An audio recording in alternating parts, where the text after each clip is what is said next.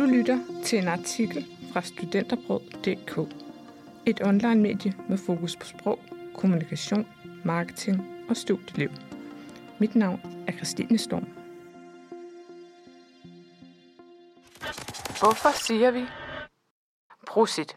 Når nogen nyser, er det almindelig høflighed at kvittere med et prosit. Selvom det analyse har været set på som noget negativt under coronapandemien, så stammer prosit faktisk fra latin og betyder givet det må gavne, altså givet det må gøre noget godt for dig. 7, 9, 13. Du har sikkert hørt nogen sige 7, 9, 13, imens de har banket under bordet tre gange. Et bank for hvert tal. 7, 9, 13 ramsen bliver brugt lige efter, man har sagt noget overmodigt, men som man er bange for skal ske. Man bruger ramsen for at undgå nemesis, altså at blive straffet for sit overmod. Et eksempel kunne være, når nogen siger, jeg har 7, 9, 13, imens der bankes under bordet, aldrig brækket en knogle i min krop. Ismand. Når nogen kysser længe, oplever man af og til, at der bliver råbt ismand. Men har du nogensinde undret dig over, hvor udtrykket egentlig stammer fra? Tilråbet har faktisk sin oprindelse i starten af 1900-tallet, hvor der blev vist korte stumfilm i biograferne. Dengang havde man korte pauser i løbet af filmene, hvor der blev solgt is. Senere blev filmene længere, men det blev almindeligt, at man i løbet af længere kyssescener råbte efter ismanden, som kunne sælge en is under den lange scene.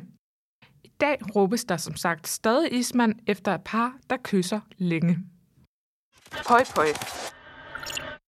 På dansk siger vi pøj pøj til andre før en stor præstation. Pøj pøj er en måde at ønske andre held og lykke på.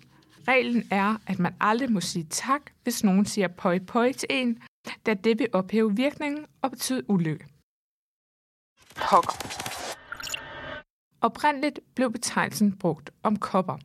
Pokker var i 1500- til 1700-tallet en form for små kopper – i dag bruges pokker i faste vendinger, som for eksempel pokker tage ham, eller for pokker da også, hvor pokker har fået betydningen fanden. For søren. Når nu vi taler om fanden, kommer vi heller ikke udenom udtrykket for søren.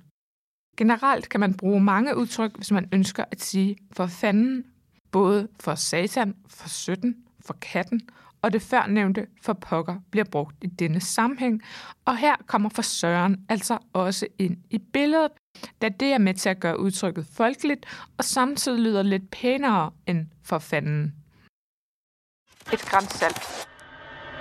At tage noget med et græns salt er et udtryk, der bruges om at betragte noget med en vis skepsis eller tage forbehold. Et gran er en måleenhed, der svarer til 0,062 127 gram. Salt har en skarp smag, der fungerer som et billede på kritisk sans. Du lyttede til en artikel fra studenterbrød.dk. Like, subscribe og del. Mit navn er Christine Storm. Tak fordi du lyttede med.